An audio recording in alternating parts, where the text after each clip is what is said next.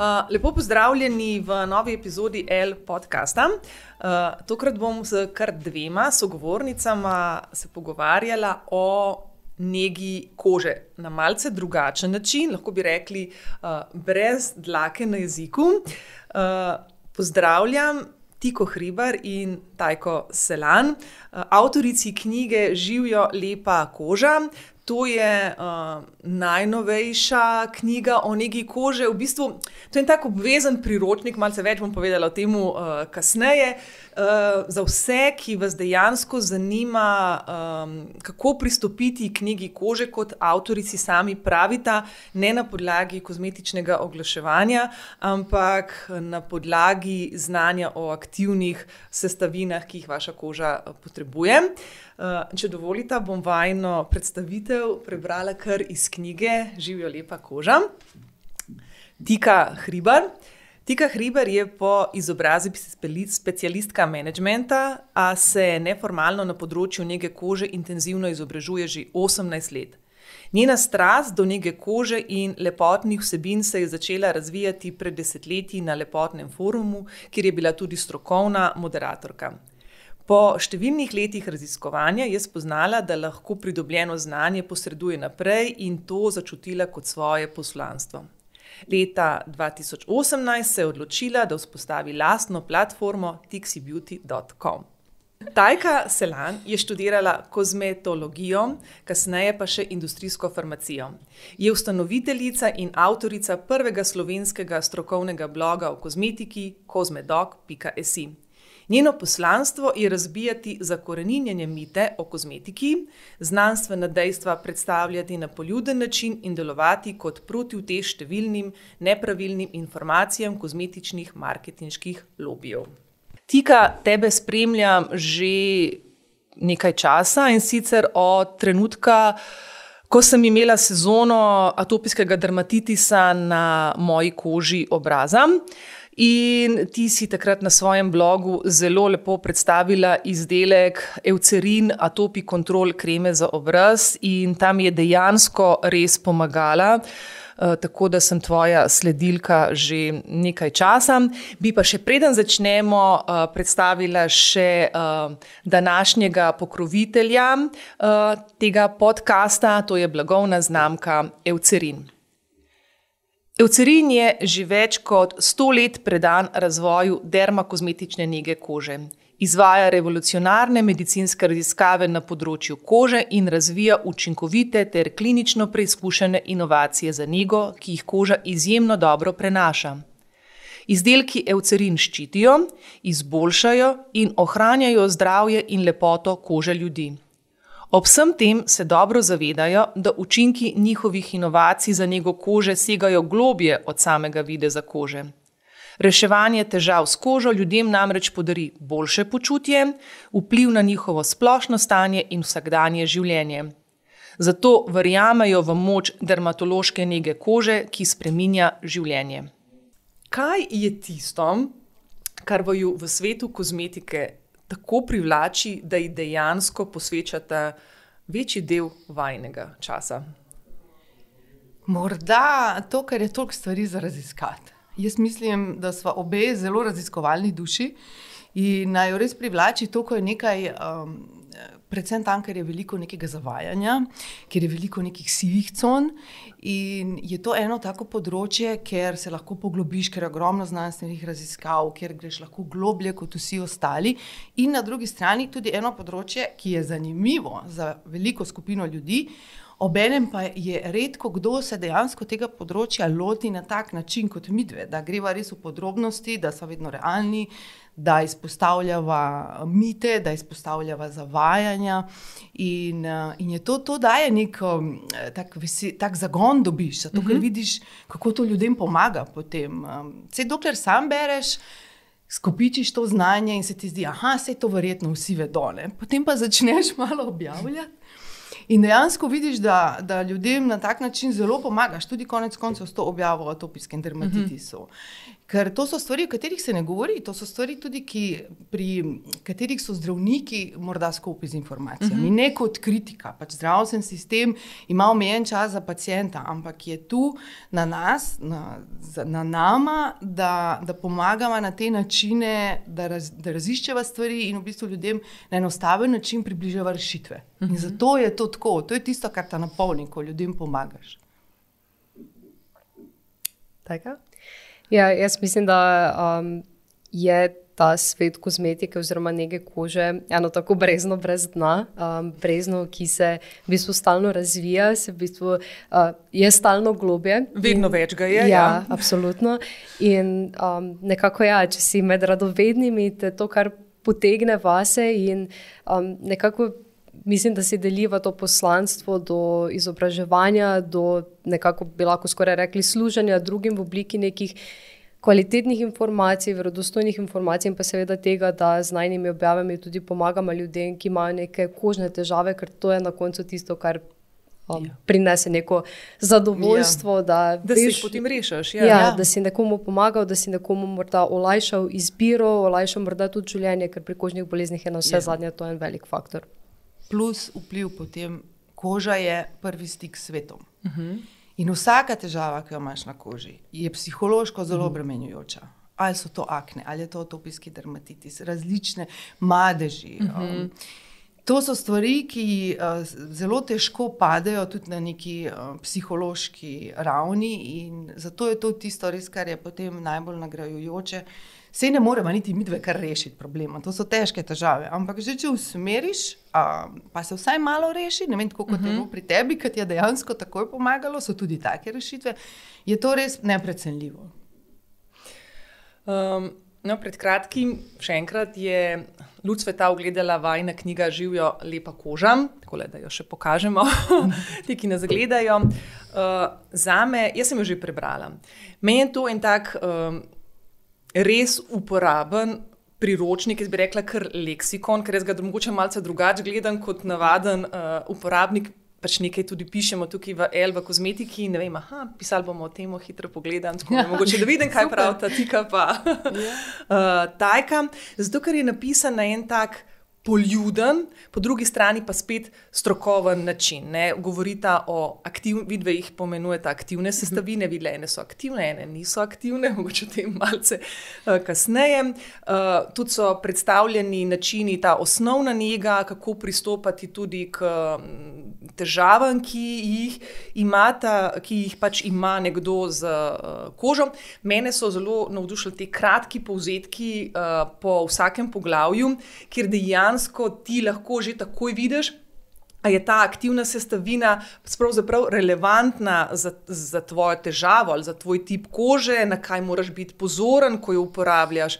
Tako da uh, res must have. Jaz, jaz bi mogla reči, da to bi mogel biti bestseller, ampak uh, kdo je odgovoren, da ste se lotili tako obsežnega projekta, kot je ta knjiga?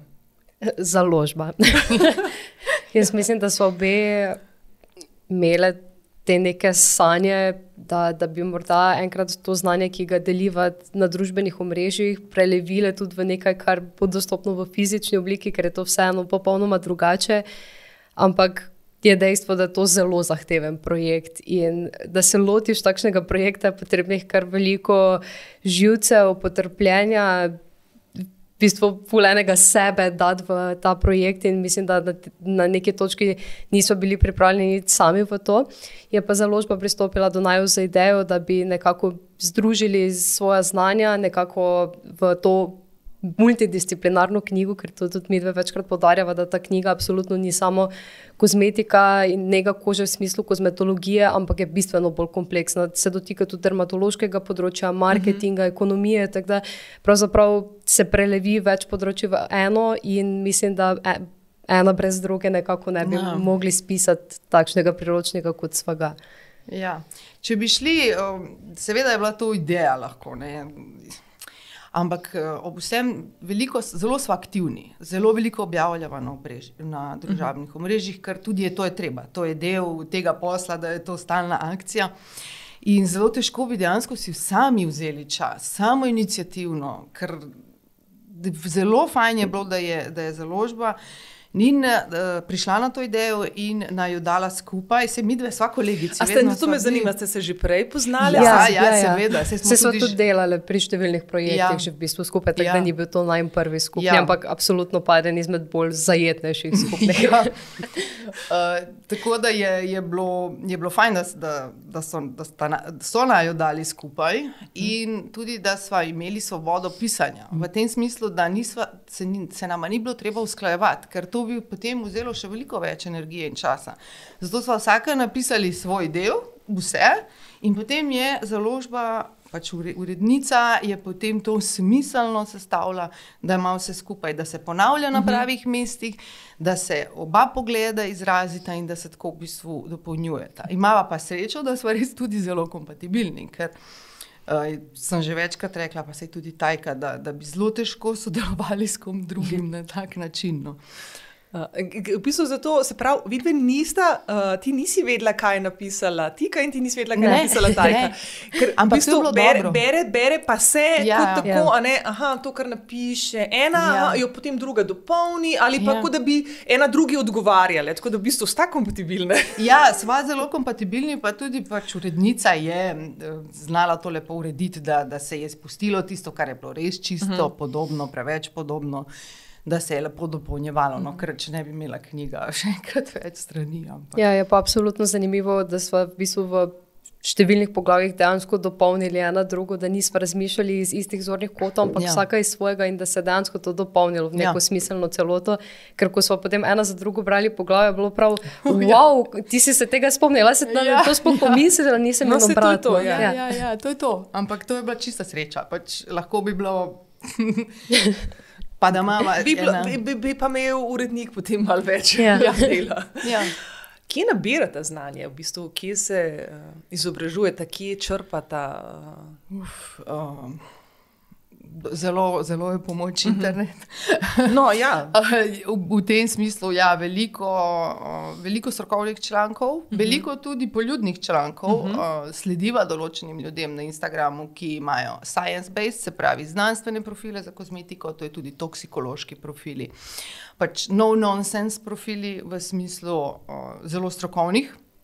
Ne tako, kakšne influencerke, ki samo malo pokažejo, tako, ampak res, da, da so za tem znanstveniki. Uh -huh.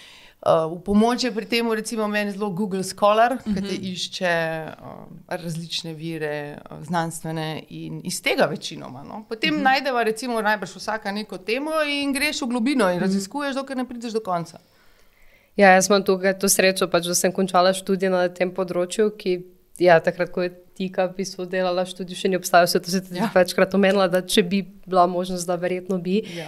Um, se kozmetologija je v bistvu relativno nov študijski program, se mi pa zdi, da bi moral biti bistveno bolj prepoznan, ker v tujini je kozmetologija in toksikologija in te vede, ki se v bistvu tičejo kozmetike, bistveno bolj napredna, pa tudi zaželjena v smislu služb oziroma uh -huh. pač nekih priložnosti za zaposlitev. Tako Da, um, ja, jaz tukaj absolutno pač je neka globina, ampak absolutno pač, če zaspiš, ti No, nič ne pomaga. da- vprašati, a ti, a ti res študij da vse to? Ne, da, uh, da ti neko širino v smislu nekih mogoče poznavanja nekih globih procesov, ker vseeno v številnih študijah in člankih so eni zelo kompleksni procesi, ki jih je fino razumeti, uh -huh. da, da razumeš mogoče kot kontekst, ampak generalno to področje se tako hitro razvija, da če ne bereš in to pomeni na tedenski oziroma mesečni ravni, se zgubiš. Ostaneš zadaj in um, pač v bistvu delaš na podlagi nekih zastarelih smernic. Spremljati je treba skozi. Ja. Se pravi, tudi um, vajna knjiga, ne vem, pojo pol, ne vem, ko bo nekdo lahko vaju, vajno mnenje šteje kot neko neodvisno študijo. No, to moram povedati. Moja hči je namreč vajno knjigo m, uh, navedla kot relevanten vir pri nalogi iz biologije, ko oh. so morali v opisu kreme poiskati zavajajoče oglaševalske podatke. Oh. Šlo je pa za neko kremo z uh, matičnimi rastlinskimi celicami. Ne? In bilo je že, že v naslovu, ne? krema z matičnimi celicami. Ne? In seveda Ja. ni pisal niti kakšnimi, so to človeške, so to Ja. Rastlinske, in potem si pač ljudje predstavljajo. No, in ona je pol pač nekaj noter najdla o antioksidantih, ki je tudi bilo in je pač na vir živijo lepa koža, No, odlično. Krasno. In Ja. uh, tajka selan. Kaj za vaju lepa koža? Ja. V bistvu, ja, um, jaz bi rekla, da je tukaj definicija zelo individualna, ker za nekoga, ki je imel vedno neproblematično kožo, je pač za to lepa koža. Torej, popolnoma brez nekih problematik, medtem ko je za nekoga, kot sem jaz, recimo, ki imam za seboj šestletno zgodovino, aken je za me lepa koža, to, kar imam oh. trenutno, recimo, mm. brez nekih večjih izbruhov, ampak tudi če so. Um, se zavedam, da je v bistvu to en tak proces um, do v bistvu tudi sprejemanja samega sebe na vse zadnje. Ker mislim, da šele ko sprejmeš v bistvu svoje stanje kože takšno, kot je, če veš, da vlagaš van in da delaš vse, kar je v tvoji moči, da ga tudi izboljšaš. Je to v bistvu lepa koža, ker je pač delaš tudi na vse zadnje na njenem zdravju. Tako da je to zelo individualno in mislim, da za nekoga, ki ima težave, kot je dermatitis, kot so akne, hiperpigmentacije, je samo neko manjše izboljšanje lahko že za lepa koža. Tako da tukaj moramo, mislim, da v bistvu nekako redefinirati, uh, Ja. kaj pomeni lepa koža v teh okvirih, ki jih poznamo trenutno. Ja, naj bi bila tista, ki je najboljša, najboljša verzija tvoje kože, uh -huh, glede uh -huh. na težave, ki jih imaš. Uh -huh. In seveda, kot je rekla Tajka, to je zelo širok razpon, ampak vse tako kot je pri telesu, Ja. yeah. pri oblinah, Ja. yeah. pri laseh. Tudi tle, v povsod je treba malo redefinirati, ta lepota je pač itak na koncu očeh opazovalca. ne, Ja. tako da- Ja, ampak to je pol v bistvu mogoče pol, ko malo odrasteš. a ne. Jaz, Ja, recimo, da sem bil zase, sem vedno mislila, da pač moja koža ni lepa, zato ker sem pač pegasta. a ne. Ampak to šele potem, Ja. ko, si, Ja. ko greš enkrat čez to, ne vem, počela sem pa vse možne stvari, ampak to zradirati pač ne moreš. Ja, no, ja, ne gre, gre, ja. Od rojstva. tako Da, uh, se pravi, želja vsake ženske, pa dekleta, je lepa koža. Ampak meni se zdi, da so te zahteve v današnjem svetu, ne, kaj naj bi bila zdrava, pa lepa koža, vedno bolj. Nedosegljive. Mislim, s tem, no, zadnje čase se srečujem, zato ker imam doma najstnico in ona mi cel čas razlaga, da hoče imeti glass skin. Ja. Glass skin, to je pač neka pogruntavščina, spet bom rekla, korejske Ja. slike na področju, kaj je to lepa koža. In jaz sem jo vprašala, kaj je to glass skin, kako je to. In ona pravi, to je, to je brez ogrcev, brez por, brez Ja. ja. gubic, bre, dejansko brez, um, koz, bom rekla, dekorativne kozmetike, da je koža enakomernega tena, da se še sveti, uh, da je gladka. Zdaj pa jo sprašujem, a je dejansko negovalno kozmetiko mogoče doseči ta gleskin, a gre to spet za neko zavajanje kozmetične industrije, oziroma če je mogoče to doseči, kaj, na kaj moraš biti vse pazljiv. Odvisno od predispozicije. Če imaš ti že v osnovi normalno, ne težavno kožo z majhnimi porami, se da doseči kozmetiko Glass Skin, ampak pa seveda za dosledno zaščito pred uvesevanjem. Ni čisto nedosegljivo, ampak vseeno po drugi strani se treba zavedati, da je pri teh, ki imajo Glass Skin, tudi pogosto ogromno filtrov v igri. Um, da je to, to je ideal, se tako kot imamo telesni ideal, spet la, ideal glede las, je enako glede kože. Če se vrnemo na prejšnje vprašanje, kaj je lepa koža, pač tisti maksimum, ki ga lahko dosežeš glede na lastne predispozicije. Glas skin pri marsikomu preprosto ni mogoče. Jaz, ga, jaz imam normalno kožo, brez težav, jaz ne morem imeti glas skina, ker imam prevelike pore. In verjemite, da dam vse možno, kar se da, uporabljam leta in leta, pa ne bom, jaz lahko ustvarim glas skin z make-upom. No, se ja. Ja, ampak da bi pa čisto bil zdaj, um, ne bo šlo. Ne? Tako da, ja, tukaj so pričakovanja spet previsoka, spet se postavljajo previsoki ideali, ampak to je del življenja. Tudi to se je treba naučiti, da bo marketing vedno dal nekaj, kar je pretežno nerealno. Ampak to je stvar tega, da se na tega navadimo. No? Uh -huh. Po drugi strani pa seveda tudi sami mogoče sporočamo. Da to ni v redu, pa povemo, kako je. Tako kot jaz, ne vem, imam eh, parkrat na leto akcije Prava koža, ker točno to razbijamo, ker punce pokažejo svoje pore. Uh -huh. Ker jaz tudi lahko na videu izgledam, da imam glas, glas skin, ampak če jaz naredim blizu sliko, se vidijo pore, se vidijo malo zamašene pore. To je pač normalna koža, to je -huh. normalna, zdrava, Normalna, lepa, lepa koža. koža. Ja, gleskinje, mislim, se pridružujem vsemu, kar je povedala Tika, pač en zelo nerealističen ideal za večino. Seveda, ja, spet genetske predispozicije seveda dajo komu to možnost, da pride do tega um, z neko negovalno rutino, ustrezno. Ampak... Se pravi, rutina tukaj mogoče. Ja, absolutno, vedno je sklop neke celovite nege kože, torej in rutine nege kože, ampak hkrati tudi večjih dejavnikov v življenju, na splošno, recimo obvladovanje stresa, izogibanje uh -huh. recimo uvesevanju, ne vem. Masnih hrani, sladkih hrani in podobno. Pač jaz vedno pravim, da na koncu je pač vse mozaik tisti, ki doprinese k temu, da bo nekdo imel morda glas, ki nikoli pa ni verjetno samo nega kože, oziroma je zelo redko samo to. Sploh pa samo mogoče samo en izdelek. Ja, ne, absolutno. Ne, absolutno tole, tale serum, nikoli, ne, je... nikoli, ne, ne, ni šans. Ni. Uh, pa še ena stvar je tukaj pomembna. To, to so trendi, ki izhajajo iz Azije. Uh mhm. -huh. To so trendi, ki izhajajo iz druge rase, uh mhm. -huh. ljudi, ki imajo drugačno strukturo kože. Pa tudi ljudi, ki dajo bistveno več na nego kože, pa hkrati tudi na zaščito kože pred ja. soncem. Tega ja. pa mi ne upoštevamo ja. v naši kulturi. Ja.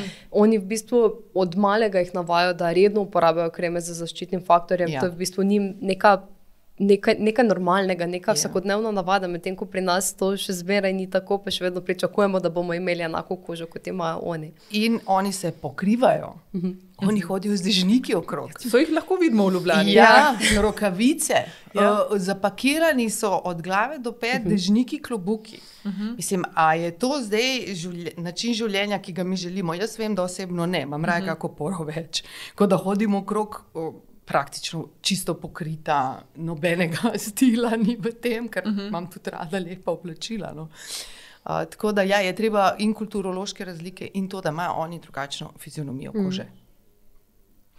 Um, kaj bi vidve kot strokovnjakinje svetovali? Nekomu, ki se z njego kože šele spoznava. Naj si bo to najstnica, ženska v 30 letih ali pa starejša gospa, ki je recimo do sedaj uporabljala, vedno reče, ne vem, sam tam modro ni vejo. Kateri so bistveni koraki, na kaj treba paziti, ko se zač ko začneš, rečeš, da bom pa jaz mal bolj se po svetu, neki kože. Ja, najprej, najprej ne se ustrašiti, ker ta svet kozmetike in vsi izdelki na drugerijskih policah izgledajo zastrašujoče, ampak Um, nege kože se je treba lotiti strukturirano. Torej, najprej začeti pri treh osnovnih korakih, ki jih mi dve svetujemo, dejansko vsem, ne glede na starost. Torej, bodi si to najstnica, bodi si ženska v 30-ih, bodi si ženska v 60-ih, tudi moški, mhm. enako velja za moške. To so torej, ustrežno čiščenje kože z nežnim čistilom na vodni osnovi, torej zjutraj po potrebi, zvečer obvezno čiščenje, vedno v primeru, da nosite ličila, še čistilo na oljni osnovi, s katerim najprej raztopimo ličila, na to pa nadaljujemo za čistilom na vodni osnovi, zato da odstranimo ostanke oljnega čistila in pa še ostanke v bistvu nekih vodotopnih uh, nečistoč. Uh, Potem nadaljujemo z ustreznim vlaženjem kože. Za vlaženje poskrbimo v bistvu lahko z neko osnovno vlažilno kremo, ki ima torej, um, humektante, emulente, okluzive, torej tri komponente, ki jih mora načeloma vsebovati vsaka krema, da je rečemo, da je popoln vlažilec. Zdaj, kaj to je, uh, sta spet podrobno opisali v, v knjigi. Jaz se spoznam, imamo tri različne vrste vlažilcev. Tako, tako da kremo. Pardon, ker sem prekinila. tako da kremo nanesemo in zjutraj in zvečer. In pa zjutraj še vedno zaključimo rutino z kremo za zaščitnim faktorjem. Tako da to je nekako zelo fino, da se navadimo že v najstniških letih, oziroma v zgodnih 20-ih, zato ker dansko sončna krema predstavlja najboljši preventivni anti-aging, oziroma dejansko uvesevanje doprinese k 80 do 90 odstotkom staranja naše kože. Tako da prej, kot začnemo z uporabo zaščitnih krem, boljše je. In pa seveda te moramo uporabljati v pravilni količini, torej eno četrtino četrtina čajne žličke za obraz. Zdaj je to, so, tako, to je mogoče zdaj zvenelo še vedno prekomplicirano, ampak v osnovi gre res čiščenje, uh, blažilna krema, to je katerakoli krema, recimo mm. cerin, mm -hmm. je uh, čisto v redu. Važno je, da koža dobi dovolj vlage in pa zaščitna krema, seveda, ker je zelo pomembna. Pri tem bi rekla, to je še vedno precej abstrakten pojem pri nas, da bi vsak dan uporabljali mm -hmm. zaščitno kremo. Uh, Eh, je pa to tak zelo pomemben korak, ki bo tudi, ne glede na to, koliko smo stari, bo koži omogočil, da je lepša. Mhm. Zato, ker koža, eh, prosti radikali, ki, so, ki jih povzroča UV sevanje, povzročajo res veliko škode. Tako kot je Tajka omenila, med 80 in 90 odstotkov staranja kože. To ne, ne govorimo samo stališča vidnega staranja, uh -huh. to gre za unetne procese. Uh -huh. To so vsi tisti madeži, ki se nam pojavijo po 40 letu, ker se akumulirajo poškodbe, izsušena, eh, atrofija, eh, gubice. Uh -huh. To je vse in, in to zelo tudi vpliva na zdravje kože. In jaz vedno pravim, nikoli ni prepozno, da začnemo uporabljati, koža se bo polepšala že izključno zaradi redne uporabe SPF kreme. Zakaj? Ker ima čas biti lepa, ker ji ni treba se boriti s prostimi radikali. Tako da to je tisto, ti tri koraki, jaz to rada rečem, da so nekje res temelji, pa enih 80% optimalne nege Ja. kože. Zveni veliko, ampak tako je. Že če te tri stvari pokrijemo, bomo naredili za našo kožo ogromno. To potem pa lahko nadgrajujemo, če imamo pridružene problematike, potem seveda z aktivnimi sestavinami. Ampak če je to za nekoga, jo, to je čist preveč, meni se s tem ne da ukvarjati. 80 posto pa imaš narejeno s čiščenjem, vlaženjem, pa zaščito pred Torej, v bistvu s tremi izdelki, če Torej, lahko čisto tremi izdelki. poenostavimo. Ja. Ja, Pa da to se jaz morda še navežem na to, kar je zdaj ti rekla, glede eh, v bistvu uporabe zaščitne kreme, da se koža izboljša, ko smo se prej pogovarjali o Glass skinu.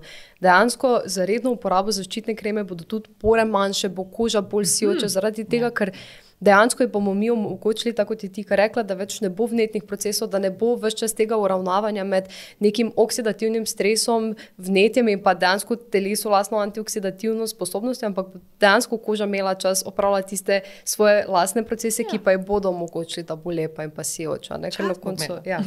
Čas bo imela, da je lepa, ker ji ne bo treba biti bojevnica. V bistvu. Um, mi pravimo, ne, da je bolj z modnega stališča, da je trg zasičen z modnimi oblačili in modnimi dodatki. Jaz verjamem, da sta vidve. Uh, Istega mnenja, ko govorimo o kozmetiki. Uh, dilema, recimo, že nastane že pri tem, ko ti vstopiš v trgovino, ne? že pri tem, katero blagovno znamko boš bral. A bo to dermatološka uh, kozmetika, ki je na voljo samo v lekarnah, a bo to klasična kozmetika, reče modna kozmetika, ki je v parfumerijah, drogerijah, a bo to eko blagovna znamka, a bo to zelena, a bo to korejska, a bo to blagovna znamka, ki bo na voljo samo v dermatoloških ordinacijah. Kaj šele katero linijo znotraj blagovne znamke zbrati, oziroma izdelek znotraj tiste linije. Kako vedve zbirata blagovno znamko kozmetike, ki jo uporabljate same? Poka a imate kakšen postopek, ne vem, kako se sploh lotiti zbrati blagovno znamko? No? Ja, to je zelo dobro in zelo težko vprašanje na splošno. Če se vrnemo na začetek, kako kje sploh začeti, glede vseh teh linij, pa dermatološko, pa ne. V osnovi izhajamo iz tega, kakšne so potrebe naše kože, in moramo se zavedati, da ne glede na to, kakšne nazive ima kozmetika, kozmetične sestavine je določen nabor. In te kozmetične sestavine se uporabljajo v kozmetiki. In ni nobene razlike, če rečemo, ok, azijska ima določene trende, dermokozmetika ima določene trende, ampak še zmeraj se uporabljajo več ali manj. Jemljajo sestavine z enakega bazena. Mm -hmm. Bistveno je, da se ne- sploh ne ukvarjamo s tem, ampak da ugotovimo, kaj sploh naša koža potrebuje, in iz tega izhajamo. In seveda to je težko najti za to neko hitro rešitev, pa reči, uh, ok, zdaj se pa ni, ni, ne moremo dati enih navodil kratkih, ali pa ne vem, odkljukaj pet. Uh, vprašanj in to je ta prava Aha, ja, ja. stvar. Ne? Zato, ker je to tako kompleksno, se zato tudi sva napisali knjigo, pa mogoče tudi še vedno ne osvetli čisto dovolj, kako se znajti v poplavi uh, izbire. Ampak jaz potem pri tem priporočam, oziroma obe pač sledite, zdaj imamo družbena omrežja, uh, kjer lahko najdete dobre vire informacij. Kaj izbirati, kako izbirati, zakaj. Tako kot sta najna profila, pa tudi od najnih kolegic, ki se ukvarjajo s podobnimi zadevami, kjer veliko ocenjujemo izdelkov. In da se tam začne, in kaj je najbolj fajn pri družbenih omrežjih, ker greš lahko postopoma. Ker ni tisto, da dobiš zdaj 300 strani knjige za prebrati, ampak začneš nekomu slediti in vidiš, kaj se dogaja, in postopoma se učiš, in je to ponovadi za vsakega lajka najlažje. Tako da moj prvi nasvet je, ko, če je to za vas pač po angliško overwhelming, se pravi preveč vsega, začnite pri dobrem profilu na socialnih omrežjih. To je moj najboljši nasvet, ki ga lahko dam Odlično. iz tega stališča, ker je res vsega preveč. Ker imam tudi sama take občutke, ko se lotim raziskovati kakega drugega področja, ki mi ni poznano in pol vidim in mi me kar vse mine. In sem ugotovila, da je najboljše začeti na socialnih omrežjih. Uh, kaj uh, jaz uporabljam, recimo, jaz izbiram kozmetiko tako, da najprej pogledam uh, seznam sestavin, potem -huh. primerjam ta seznam sestavin s tem, kar piše na embalaži. Spravi, uh -huh. Ali se to sklada? Ker je meni je že prvo nekaj, kar me odvrne, je res preveč zavajajoč marketing, me totalno odvrne. Je pa tako, seznam sestavin je vrh ledene gore. Veliko stvari nam ne pove. Je samo tisto ena prva informacija, da rečeš, ok, to je lahko zanimivo za me, potem je pa treba zadevo preizkusiti. Uh -huh. In pol vidiš, kako se tvoja koža na to odzove. Ni nobenega na tem svetu, ki vam lahko pove, ta krema je najboljša. Ne. Koža je vsaka po svoje muhasta, kar počnemo mi dve stajko, je to, da poveva, to je kvalitetno uh -huh. in dela to, kar obljublja ali pa, pa vam ustrezalo, morate pa probati. In, in isto delujejo naj na testiranje. Mi dve moramo probati, preden rečemo, ok, to je pa res ok. Pa vsak izdelek ima svoje prednosti in slabosti, noben izdelek ni popoln. Uh -huh. Oziroma, verjetno, tudi če bi morda katera izmed naju našla tisti popolni izdelek, je dejstvo, da morda bo pa pri tebi imel določene slabosti, pa boš rekel, joj, meni pa ne vem, tekstura, meni se ne vpije, meni se svalka in podobno. Ja. Tako da je ravno to v bistvu povezavi s tem, kar je ti kar rekla, je pač treba izdelek proba, da na koncu ja. lahko vrednotiš, če ima za tvojo kožo več prednosti kot slabosti in lahko ostane v tvoji rutini. Ja, vajno ocenjevanje ne, je izdelkov, kozmetičnih izdelkov je najbrž precej drugačno, kot to počne. Uh, Recem večina lifestyle vplivnežev, bom rekla, ne, ne lepotnih, ampak lifestyle vplivnežev. Najbrž tudi kašni lepotni, ampak pustimo, ki so, bom rekla, brez nekega predznanja o biologiji, mm -hmm. celice, biotehnologije, kemije, uh, uh, farmacije. Koliko časa traja zbiranje podatkov, ne? preden se odločita nek izdelek, um, potestirati, koliko časa traja samo testiranje, pisanje recenzije. Ker verjamem, da ne testirate prav vsega, ne? ker pol testna ja, zajčka pa spet nis, nista. Sej, tudi jaz doskrat rečem, ko dobim kakšno zadevo za potestirati, ne morem, zdaj trenutno uporabljam to in mi odgovarja uh -huh. in ja. ne bi rada ja. menjala. Ne? To ja. je kar precej časa. Ja, to je en res kompleksen proces um, od tega, v bistvu, da se odločiš za testiranje, do tega, da dejansko nekaj začneš testirati, kaj šele potem recenzija, ker to je potem v bistvu še ena čist uh, v bistvu svoja liga. Um, kar jaz vedno pogledam, je najprej, da se nekako to, kar se mogoče tudi na prejšnjo vprašanje lahko navežem, pač neka values znamke uh mhm. -huh. skladajo z mojimi. Jaz vem, da ne bom testirala izdelka od znamke, ki prodaja nekaj na podlagi neke pseudoznanosti ali pa na podlagi nekega ustrahovanja potrošnikov, v smislu, ne vem, brez parabenov, brez tega. Parabeni so toksični in podobno. Mm -hmm. Jaz pač vem, da za mene to nek, um, neka taka rdeča zastavica, ker je dejstvo, da so vse sestavine v kozmetiki varne in tukaj, da se poslužujemo nekega fear-based marketinga, je popolnoma nepotrebno. Tako da to je pri meni absolutno prvi faktor. Um, drugi faktor je to, da se v bistvu nekako sestavine v izdelkih skladajo s tem, kar tudi izdelki obljubljajo, torej da ni nekih prevelikih obljub in pa briše gube. V osmih dneh bo koža brez pigmentnih madežev in podobno. Skratka, to mislim, da pri nama ne deluje. Um, ti grejo na, na tisto rdečo listo isto. um, tako da ja, mislim, da najprej to, potem seveda treba pogledati, kateri izdelek v asortimanu bo primeren za te, če spoh je kakšen, ker uh mhm. -huh. ni vedno. Lahko da si morda želiš sodelovati z neko znamko ali pa morda preizkusiti neki izdelek.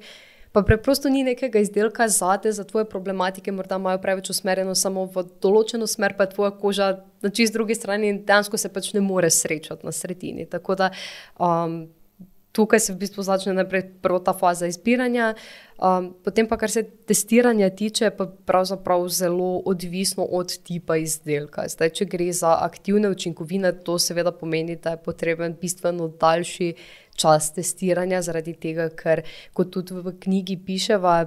Dejansko nobena aktivna učinkovina ne deluje iz danes na jutri. Recimo uh -huh. z dobro vlažilno kremo ali pa dobro barjerno kremo lahko morda vidimo rezultate redne uporabe po mesecu, dveh, morda recimo zmanjšanje občutka zategovanja po čiščenju ali pa manjše nelagodje po nanosu aktivov, bolj navlažena, bolj sijoča koža, recimo to pri kremi relativno hitro ja. vidiš. Ali pa recimo pri čistilu, recimo, da te ne zateguje po čiščenju, da je prijeten občutek, da dobro odstrani ličila, to so ti recimo osnovni faktori. Medtem ko pri aktivnih učinkovinah je pa res jim treba dati tri do šest mesecev, recimo, da mm. res lahko rečeš, to deluje na moji koži, deluje tako ali tako, mm. vidim te pa te rezultate, zdaj pač to pa to so še obljubljeni rezultati, ampak generalno bi morali izdelek uporabljati bistveno dalj časa, preden bi lahko povedala, če deluje na tak način.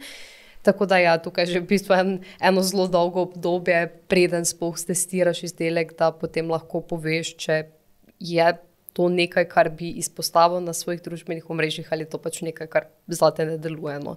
Um, kar se tiče pisanja recenzije, pa je v bistvu to še en tak eh, zelo zahteven projekt, ker mislim, da tako ti ti, kar rekla, se obe v bistvu zelo poglobiva v ne samo to, kak izdelek deluje, ampak na splošno v celotno specifikacijo, v ozadje delovanja, v neko problematiko, ki jo mogoče ta izdelek naslavlja. Tako da tukaj je ogromno enih uh, člankov, ogromno ene priprave, preden v bistvu sploh prideš do tega, da napišeš eno tisto stran prednosti, slabosti izdelka, ampak ja. v bistvu to ni tisto. Ampak spet jo moraš napisati na en tak način, da bojo sledilci razumeli. Če samo povzameš tisto, kar, kar je uh, po moje, v bistvu si pol. Uh mhm. -huh. Ne, ne, to nima smisla. Ne. Problem je pa tudi, tudi odkar mi dve delujemo. To je recimo štiri leta, plus minus uh -huh. par mesecev, vsebine morajo biti vse krajše. Vsako ja, leto ja. je treba vse krajše. Pač to je dejstvo, to so te slabosti, ki so jih prenesla družbena mreža. Mhm. Seveda ni vse. Uh, bomo samo popolno. napisali, krema ne briše ja. v desetih letih. Ja, dejstvo je seveda, da na koncu si tudi, ko jaz se pogovarjam s svojimi sledilkami, da mi sam poveče dobro ali ne. Samo to hočejo. Ampak seveda pa imamo mi dve toliko zgodovine, da so prišle do tega, da ti nekdo reče, ti meni sam povej, je dobro ali ne. Uh. -huh. Ker vejo, da če bom rekla, da je dobro, če bo tajka rekla, da je uh. -huh. dobro, da je to to. In obenem se zavedajo, da ni nujno, da jim bo ustrezalo in ne bodo jezne na naju uh. -huh. zaradi tega na sveta. Dejstvo je, da imamo toliko podlage, da si lahko privoščiva morda malce krajše ocene zdaj, je pa dejstvo, da to ne zmanjša najnega dela za tem, ker še vedno moramo vse razdelati. Nažalost, po eni strani je pa to, da je pa treba res tako zelo strniti zdaj že te podatke, da, da jih je treba, da jih veliko odpade. Ampak to je to, kar publika želi. Povej mi, seveda, poskusiva vsaj da narediva pa te pluse, pa minuse, uh mhm. -huh. zato da je nek pregled, pa za koga je stvar primerna. Tako da res se dobi čim bolj celovita informacija ja. v čim manjšem formatu. Mhm. Je pa meni osebno žal, ker je celo romane pisala, ampak tega noben več ne bere. Ja, morate dejansko predstaviti zadevo, ki jo testirate. Ne? Tudi v primeru, če vama ne odgovarja, kot sta. Uh, uh, Uh, uh, rekle, da recimo, lahko se zgodi, da, iz, da, je, da je super blagovna znamka, da je super linija, ampak tudi super aktivna sestavina, ampak ja. mogoče vseeno ne odgovarja. Ampak najbrž zdaj to poznata že vajne kože, da ja, veste, ja. katere ja. drugače ne bi spet bilo teh plusov in minusov v, ja. v sami. Um, Knjigi, je tukaj stvar dogovora. Jaz mislim, da smo obe zdaj nabrali v teh štirih letih toliko kilometrine, da uh, se ne dogovarjava za sodelovanje, preden izdelek sprobava. Zaradi tega, ker Aha. dejansko Ja, nekatera podjetja, ki so zelo transparentna pri uh, komuniciranju, pri oglaševanju, uh, bodo morda sprejela tudi negativno, oziroma pač neko konstruktivno kritiko, ker je dejstvo, da to ne pomeni, da je ta izdelek na splošno slab, ampak da samo na, nama ne ustreza, oziroma mhm. najnima kožama. Um, nekatera podjetja pa se dejansko zelo izogibajo temu, da bi bili kakršni koli negativni reviji glede njihovih izdelkov, kar je pač seveda nerealistično, ker noben izdelek ni popoln, noben izdelek ne ustreza vsakemu in tukaj. Um, je treba zelo pametno postopati tudi kot nekako vplivnež, oziroma nekdo, ki deluje na družbenih omrežjih, da ne stopaš v konflikte z eh, podjetji oziroma z naročniki na vse zadnje. Ja, ker to dejansko. Jaz bi tukaj mogoče, če poslušal kdorkoli, ki ima kozmetično podjetje. Jaz mislim, da to ni treba tudi razumeti vplivneži. Nismo glasni, pa no, nismo mhm. radijski oglas, nismo televizijski mhm. oglas. In znamka, in vplivnež si, del, si uh, povečata kredibilnost s tem, z realnim izpostavljanjem mm -hmm. izdelkov. Tudi če se zgodi, da meni ali pa tajki neki izdelek ni, ne ustreza, itak nekaj, kar ni kvalitetno, ne bomo sploh preizkušali. Mm -hmm lahko se zgodi, da nama ne ustreza. Ampak še vedno lahko reče: Poglejte, to je nama ne ustreza, uh mhm. -huh. kakorkoli, ampak ima te in te pozitivne lastnosti in bo lahko ustrezal nekomu izmed vas. Uh mhm. -huh. Ampak nekatera podjetja ni, niso tega pripravljena sprejeti, kar je neumnost. Pač kar je popolna marketinška neumnost. Ja, ker eno je, če izdelek popljuvaš, drugo pa je, če mu dejansko daš neko konstruktivno kritiko. Ne rečeš, ja, to so neke objektivne slabosti in meni ne ustreza. To ne pomeni, da pa morda polovici mojih sledilk ne bo. Mislim, vedno, Koliko je takih izdelkov? ja, ne? vedno, vedno tudi, če je kdaj morda slabosti več kot prednosti izpostavimo, za koga pa morda bi bil Ja. izdelek. Oziroma, poveš, kaj je bilo narobe, zelo konstruktivno pristopiš Ja. in pa seveda mislim, da s tem tudi zelo pač midve pridobiva, pridobiva na podlagi takih ocen tudi neko kredibilnost.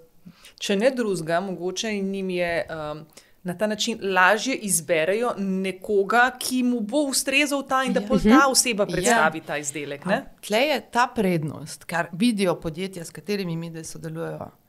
Da potrošnik ve, kaj kupuje. Uh -huh. Ne da ti njemu obljubiš stvari, kupi en izdelek, mu ne ustreza in reče: To je vse za nič, in tvoje znamke ne pogleda nikoli več. Uh -huh. Če pa kupi nekaj, pa ve, kakšne so lahko potencijalne slabosti, pa mu ne ustreza, bo rekel: V redu, ta izdelek mi ne ustreza. Znamka je še vedno ok, bom še kaj poskusil. Ja.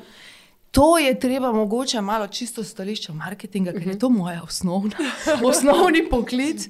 Mal rekalibrirati v tem svetu, pa ne da, mislim, mi dve imamo super naročnike in delamo ja. samo s takimi, in jih je veliko.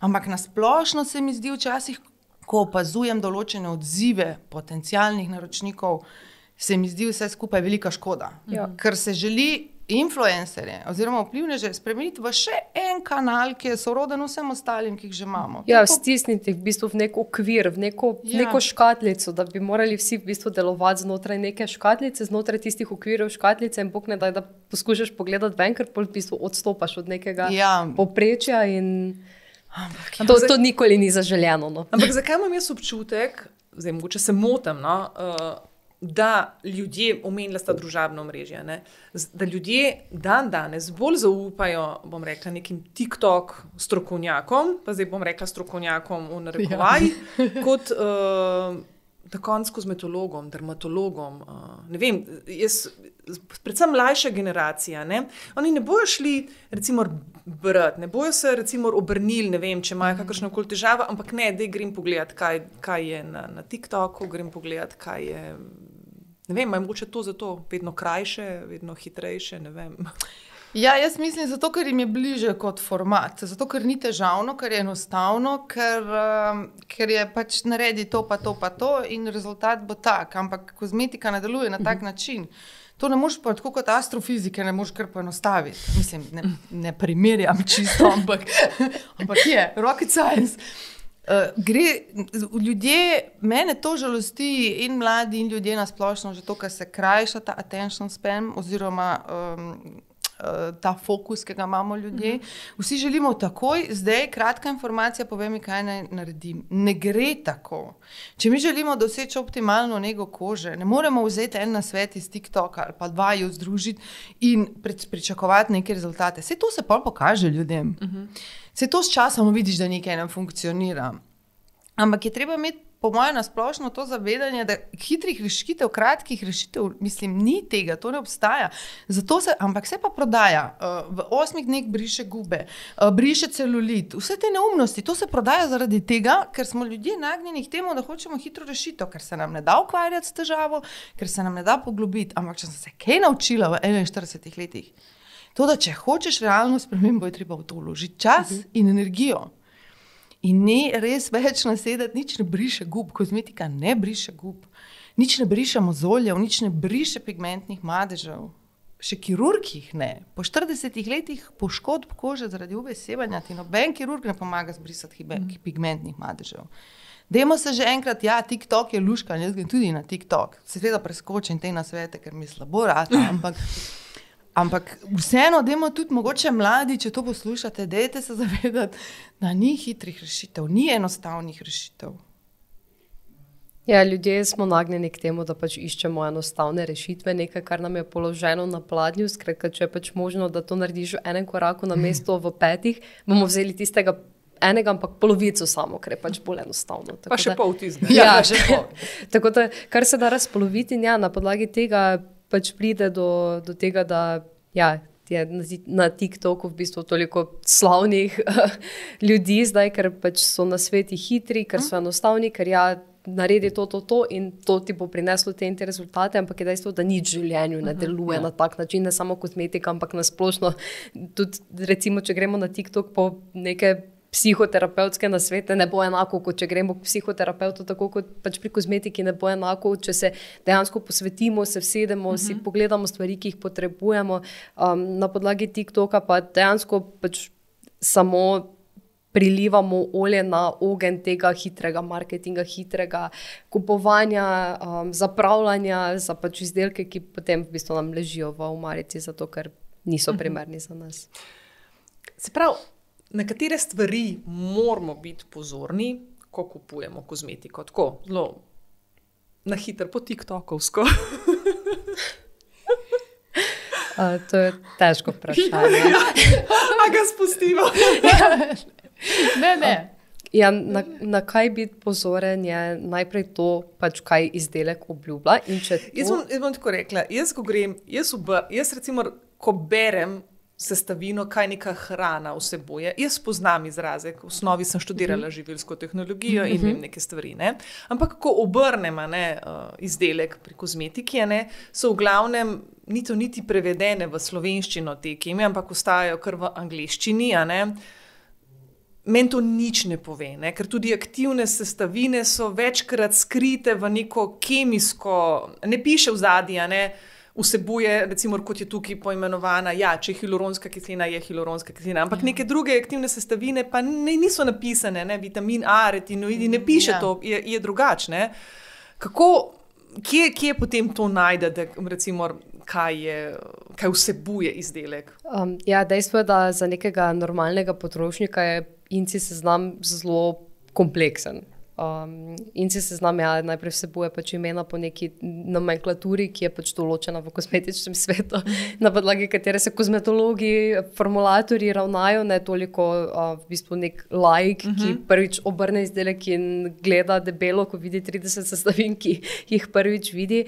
Um, tako da, kar bi jaz rekla, je, da se ne obremenjujemo preveč in si seznamom, ker nam dejansko zelo malo pove o uh mhm. -huh. samem izdelku, kako bo izdelek deloval. Ne pove nam ne koncentracije sestavin sestavine, ne no, če ja, nam bo izdelek ustrezal, če nam bo povzročal komedone, ne če nas bo dražil in podobno. Skratka, na inci znam se ponavadi obrnemo v primerih, da imamo kako znano alergijo na kozmetično sestavino, uh -huh. v tem mhm. primeru seveda obvezno, um, v primeru, da, in pa v primeru seveda, da iščemo kozmetično aktivne učinkovine. Ja, seveda je problem, če podjetja uporabljajo neke lastne patentirane komplekse, ker v tem primeru seveda pač kozmetično aktivne sestavine ne bomo zaznali tako zlahka. Tako da, um, dejansko sicer to malo triki, ker je malenkost zavajojoče, da so te aktivne učinkovine kdaj v kakih kompleksih, ker to ponadi pomeni, da niso ravno v nekih. Drastično visokih koncentracijah, s katerimi, ja, s katerimi bi se radi v bistvu proizvajalci pohvalili. Tako da, zakaj mi, da v bistvu tako konkretno pišemo o aktivih, ker jih dejansko lahko prepoznamo na incijo. Ja, retinoidi ali pa vitamin A ne bo pisalo, ampak ta krovna imena, retinil, palmitat, retinaldehid, retinol, te zadeve pa lahko prepoznamo mm -hmm. na incijo. Seznamo. In recimo, če gledamo mi neki izdelek, na katerem piše. Retinol, serum, kakorkoli, in mi okolje obrnemo izdelek, moramo na inci seznamu najti ta retinol. Če tega retinola ni, mm vemo, da ga ni v izdelku, ali pa res v tako mali količini, da je morda dodan v nek kompleks. Uh mhm. -huh. Tako da, uh, kar večinoma delajo proizvajalci kozmetike, pri nizkocenovnih uh, izdelkih, sem to večkrat zasledila, je retinol serum, potem pa je dodan retinil palmitat, ki pa ni niti približno enak retinolu. Uh mhm. -huh. Tako da, ja, najbolj pač to, da se na inci seznamo obrnemo samo za nekako prepoznavo teh aktivnih učinkovin. Pri tem si generalno lahko pomagamo z aplikacijami za branje in se seznamov. Je pa tu potrebno dodati velik disclaimer, da te aplikacije veliko krat delujejo na podlagi pseudoznanosti kar pomeni, da se stavine rangirajo na podlagi varnosti, torej uh -huh. na mhm. varne in nevarne. In veliko krat ljudje, ki potem začnejo uporabljati aplikacije, začnejo verjeti, da so določene sestavine nevarne in da se treba določenim sestavinam v kozmetiki izogibati. In posledično veliko krat potem dobiva vprašanje tipa: Hej, sem pogledal pogledala ta izdelek, ki, ki si ga ocenila, pa moja aplikacija za branje inci kaže, da je toksičen ali pa da je nevaren za zdravje ali pa da uh, je um, vem, da, kaj, hormonski motilec ja. in podobno. Skratka, vse sestavine v kosmetiki so varne, tako da te varnostne. Varnostno rangiranje v bistvu treba potisniti malo na stran. Uh, zdaj bom tukaj sam vprašala to. Pred leti je, je prišlo to ven, no, da je bilo tako zelo moderno, manj sestavin kot izdelek ima, kozmetičen, boljši je. Drži, ne drži. Mah, to je zelo odvisno. Ni nič narobe, če ima izdelek malo sestavin. Dejansko so meni bili ljubši, ravno zato, ker imam recimo, težave z atopijo. Pač manj, manj sestavin pomeni tudi manjši potencial, da boš na neko sestavino uh, slabo odreagiral. Ampak ni to zdaj generalno pravilo, da bi rekli, da je mi vedno trdimo, da je manj več, ampak pri seznamu sestavin je dejansko bolj pomembno vse ostalo. Važno je, da so te sestavine domišljeno skupaj, mm -hmm. da je cela formulacija prijetna, da izdelek dela to, kar obljublja. In um, ni, ni treba tle se kaj veliko ukvarjati z dolžino mm -hmm. uh, sestavin, res je bolj pomembno to, ja, mogoče, da detektiramo, če so res not tiste sestavine, mm -hmm. ki jih obljublja. To, se, to ni tako težko, zapomni se tistih pet sestavin ali pa greš mm -hmm. pogledat in je to to. Uh, drugače pa bi še, še, če se navežem na prejšnje vprašanje, taj, ki je omenila aplikacije. Imamo drugače, je obstaja spletna stran, Incidecoder se imenuje, mm -hmm. ki je, ki temelji na znanosti. Uh, in je malo boljša kot te, je boljša kot te aplikacije, ker so lepo razložene sestavine, ni tega ustrahovanja ne, nepotrebnega oziroma popolnoma nepravilnega. Tako da čisto še tako lahko se malo naučite sestavin skozi recimo. To incidekoder se imenuje. Je pa tudi potrebno vedeti, ja, da pri teh sestavinah da je to za lajka zelo kompleksno. Vse te pomožne snovi je dejstvo, da nima samo ene naloge v kozmetičnem izdelku. Ja. Večina sestavin opravlja več funkcij, glede na njihovo koncentracijo, glede na druge sestavine. Mm. Tako da, ja, tudi če se jaz navežem na to prejšnje vprašanje, absolutno dolžina in se seznama ne pomeni, da je izdelek dober ali pa slab. Torej, krajši seznam, da je izdelek dober, daljši seznam, da je izdelek slab, ker je zelo odvisno od sestavin, ki so dodane, morda dostavnih sistemov, ker se to dejansko potem um, nekako narekuje formulacijo, koliko mora biti pomožnih sestavin, da bo zadeva stabilna, da bo zadeva morda tudi delovala oziroma prišla tja, kamor mora v koži. Ker tudi um, kombinacija različnih uh, aktivnih sestavin. Um, ene dobro sodelujejo skupaj, drugi v bistvu ni priporočljivo, da jih uporabljaš skupaj.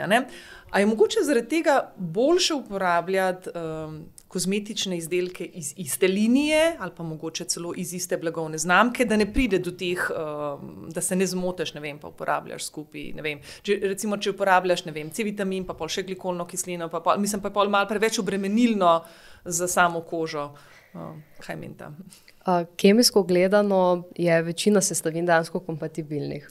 Ja, tako da, kar se tega tiče, ni problem, zakaj, zakaj mi dve toliko teživa za nekompatibilnost. Zato, ker mi potem doma miksamo neke koktejle, uh mhm. -huh. za katere ne vemo, kako se bo koža na nje odzvala. Ne spet z vidika stabilnosti, ampak z vidika draženja, z vidika zdravja kožne barijere, ki v bistvu veliko pozornosti posvečava tudi v knjigi. Tako da, generalno gledano, ja, um, sestavine v bistvu lahko kombiniramo, aktivne učinkovine tudi, je pa potrebno k temu pristopiti pametno. Ravno zato je v knjigi tista velika tabelca, v kateri obe dve razložimo, katere aktivne učinkovine gredo skupaj in katere ne. Je pa pri tem um, potrebno vedeti, da je zmeraj fajn v bistvu, da če že recimo tako na tvojem primeru lahko razložim. Recimo, rečemo, želimo uporabljati vitamin C, glikolno kislino, da morda poiščemo izdelek, ki ima dodano oboje hkrati. Zaradi tega, uh mhm. -huh. ker to pomeni, da v tem izdelku je dejansko reguliran pH, regulirana količina obeh aktivnih učinkovin, obe aktivni učinkovini sta stabilizirani in končen izdelek je bil testiran, da ga koža dobro prenaša. Prenaša. Kar pomeni, da je bistveno boljše, kot če mi damo vitamin C, potem pa še čez glikolno kislino. Eno zelo visoko koncentracijo. Ja, po ja. možnosti. Ki bo bolj delovala. Kar se tiče izdelkov iz iste linije, pa absolutno ne. To mi, mi dve kar noriva, ko to vidiva, oziroma izdelki od iste blagovne znamke. Zaradi tega, ker dejansko treba vedeti, da okay, izdelki morda iste blagovne znamke, iste linije so še testirani skupaj, ampak izdelki iste blagovne znamke, pa drugih linij pa več niso. Tako da gre za enake, morda neželene interakcije, mm -hmm. kot v primeru, da bi uporabljali izdelek znamke A, izdelek znamke B, pa izdelek znamke C. Ja. Vse, mislim, da se strinjam. Odgovorila ja, ja, vse. Uh, prej ste že, prej ste že uh, razlagali, ne, po kolikšnem času približno lahko ugotovimo, kdaj nam neka aktivna sestavina odgovarja. Lih včeraj sem sledila, ne vem pa se rekel, da azelaična kislina, recimo pri um, koži, ki ima uh, mozolje, recimo lahko učinek je šele po treh mesecih. Uh -huh. Ali je mogoče, uh, se pravi, treba dati izdelku čas. Ali lahko mogoče ugotovimo, da nam izdelek ne odgovarja prej. Ja, seveda, to lahko mm. takoj ugotovimo. V bistvu. um, ker se zelo hitro, to, to je zanimivo, ja, kozmič, ker če nam ne odgovarja, se to lahko razmeroma hitro pokaže. Ne govorimo o obdobju treh mesecev, -hmm. že prej veš, te preveč draži, te pika, imaš kožo rdečo, so se pojavile akne, so, so se začele -hmm. mašiti pore. Uh, Ponavadi so to tisti prvi znaki, da nekaj ne štima. Sploh pri aktivih je draženje lahko zelo pogosto. Seveda to ni vedno, to vedno ne pomeni vedno, da izdelek ni ustrezen za nas, uh mhm. -huh. ampak da mogoče moramo ga vzeti malo bolj previdno uh mhm. -huh. rokovati z njim, ali dati manjšo količino, ali ga nanesti z drugimi izdelki, ki ga malo umirijo, uh mhm. -huh. ali zmanjšati frekvenco uporabe, se pravi, uporabimo samo enkrat na teden, namesto trikrat, ali pa samo trikrat na mesto vsak dan.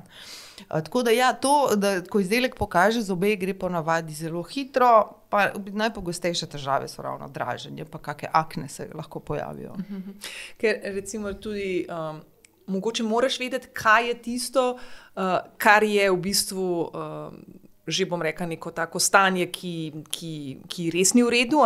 Recimo pri retinoidih, imaš pozna, poznaš normalno luščenje, pa mm -hmm. poznaš nenormalno luščenje. Ne? Tako da v bistvu um, je mogoče dobro, ne, da recimo vidite to vse v vaši knjigi, ja. napišete, kaj je v bistvu uh, normalno, no. ne, ko uporabljaš, ker nekdo bi lahko že mislil, da okay, se luščam, kaj mi je zažgal kožo, ne, uh, kaj se dogaja z mojo kožo, to bom dal takoj stran. Ne, tako da, um. Jaz vedno pravim, da vse, kar je odstop od naše normalne kože, je ponavadi pač nek znak, da izdelek morda ne ustreza. Ja, seveda so izdelki, kot so retinoidi, kjer so neki normalni stranski učinki, ki so tudi v redu, ki nakazujejo, uh mhm. -huh. da izdelek pač v začetku rabi rabi svoj čas, enako kot ti ti omenila akne, so lahko v bistvu nekako normalen del tudi uvajanja določenih aktivnih uh mhm. -huh. učinkovin, recimo retinoidov, kislin, azelaične kisline.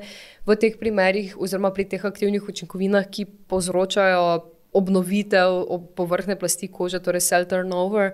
Um, pri teh aktivnih učinkovinah lahko v začetku pride do določenih izbruhov, ker se koža čisti. Tako da spet gre za neko normalno reakcijo, ki jo moramo ločiti, gre pa za to, ja, če je koža prdela, če je zatekla, če je res intenzivno luščenje, zelo intenzivna suhost, ja, v teh primerih pa je seveda pač to nek odstop od naše normalne kože in v teh primerih je pa zelo fajn, da malo uh, stisnemo na bremzo in ali zmanjšamo frekvenco ali pa mhm. začasno v bistvu umaknemo izdelek.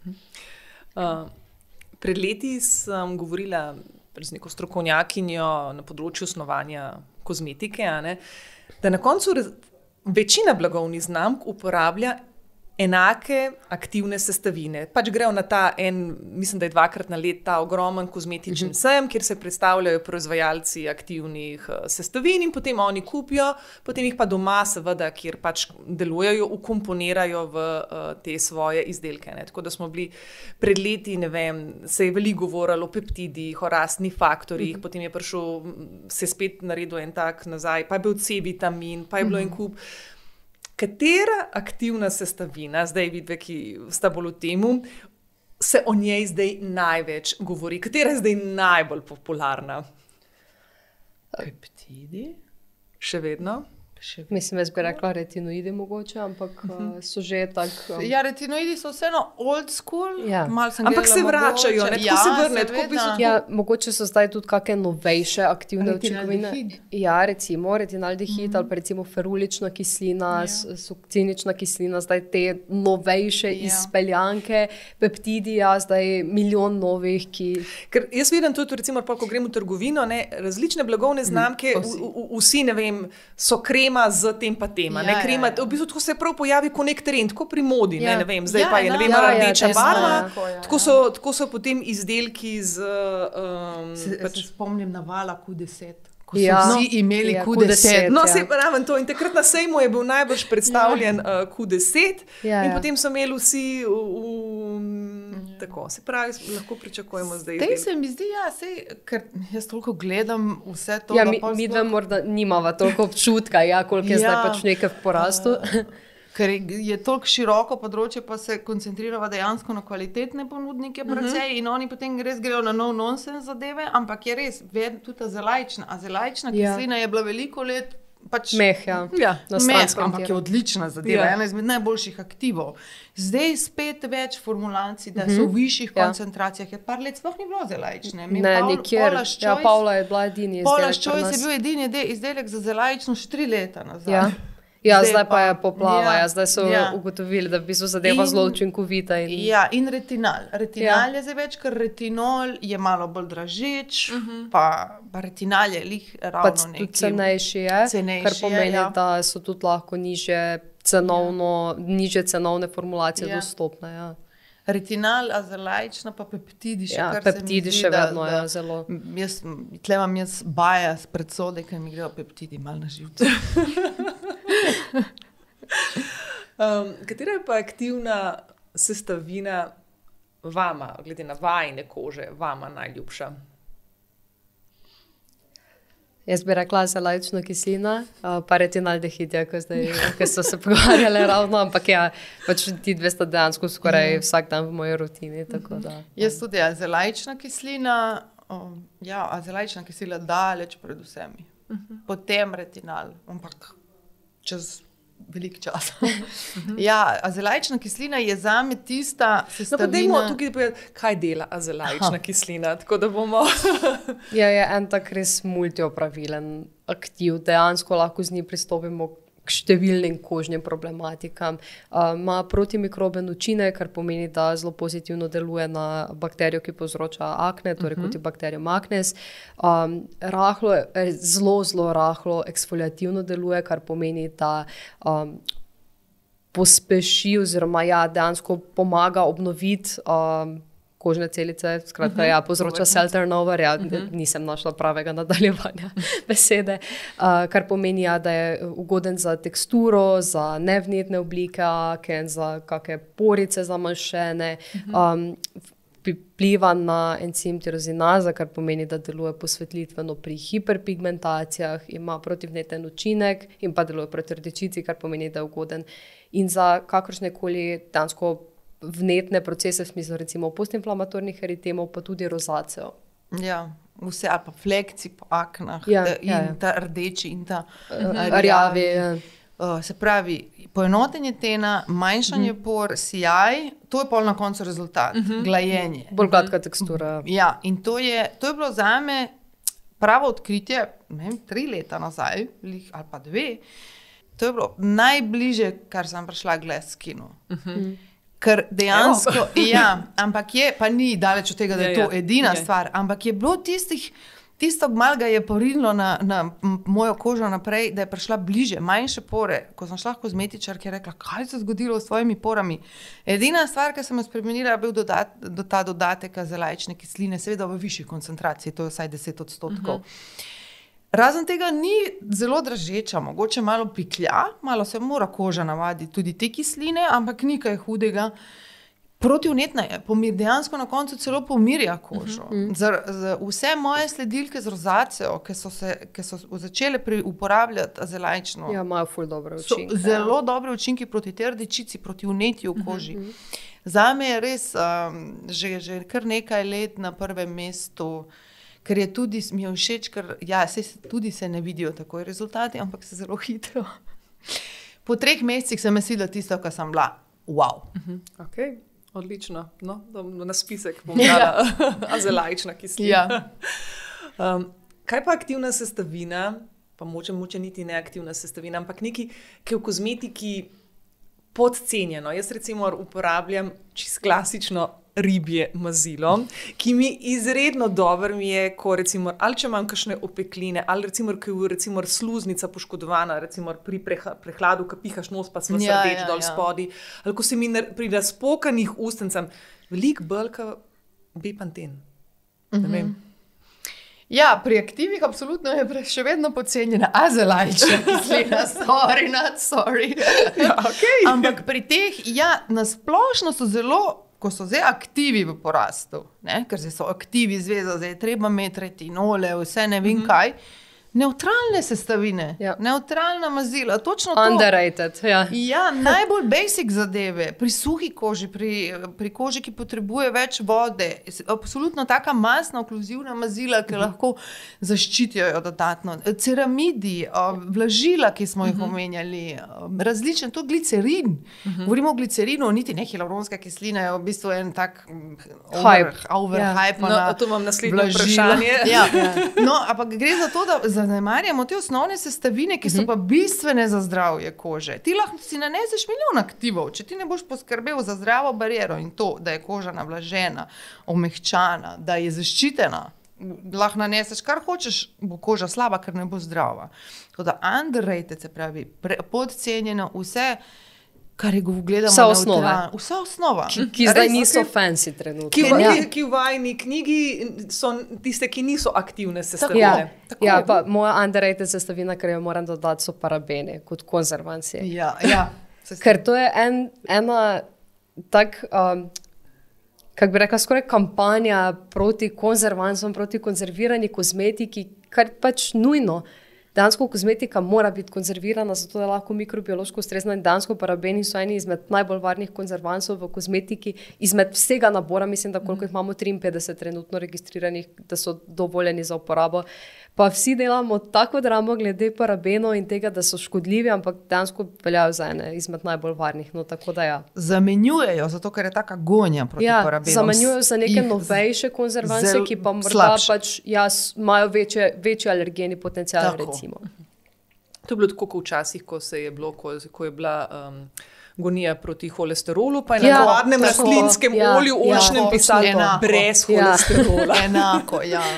Tukaj kot so zdaj izdelki brez, pa je seznam več daljši, kaj če brez, Kaj brez česa česa je so- kot to, kar ima. Ja. grozno.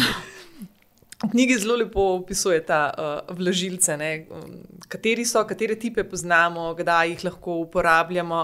Uh, pa da imamo že v tem najbolj opevanem vlažilcu, ki mislim, da ga vsi poznajo, hialuronski kislini.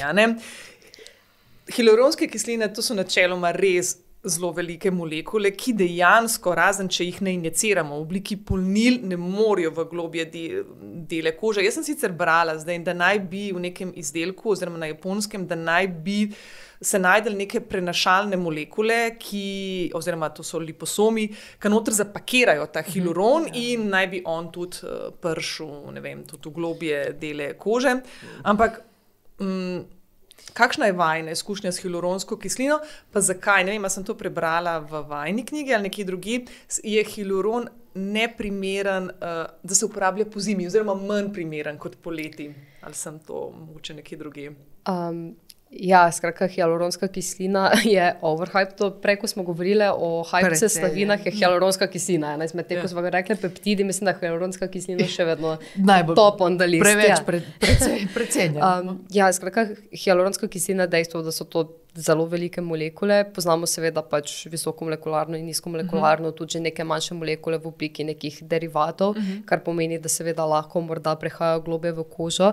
Je pa dejstvo, da pri vseh kozmetičnih izdelkih pač lahko uporabljamo neke dostavne sisteme, ki omogočajo ta aktivna učinkovina, ki morda ne bi penetrira globje. Uh -huh. Je pa res, da jaz nekako ne razumem, zakaj bi si to želeli pri hialuronski kislini, ker vseeno ni, aktiv, mislim, ni to aktivna učinkovina, ni to neka sestavina, ki bo dejansko spremenila našo kožo z tega vidika, recimo pri retinolu, ki je relativno nestabilen.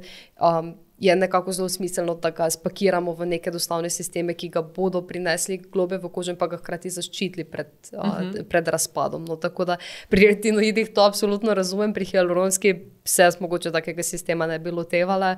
Um, Je pa dejstvo, da je pač to neka sestavina, ki um, je zelo marketinško napihnjena, Trend. ker daje instant rezultate v smislu, um, da pač kožo dejansko napolni, napolniti neke drobne, fine gubice in zato pač da tisti instant plump in zato zgleda, da koža, wow, tista gleskin, ampak to je dejansko samo res nek začasen je dejansko, kot če bi si učinek. make-up pol Ja, dal. ja, Ja, ja, ja, to je ja. začasen učinek. pač hialuronska tudi odmrle celice na površini kožih napihne. Ja, ja, ja. ja. Sam zato gre. Zato, ker vleče kar gobica, Ja, vodo, ker ne? vleče jih vodo, ja. napihne, se ni nič narobe s hialuronsko, ne, je čisto v redu. Nič ni narobe, če si želimo instant malo več, bi rekli, plampa, ne, oziroma neke napetosti. Ampak ne moremo, od, ne, to, da je hialuronska kislina anti-aging, je največja neumnost. Ever.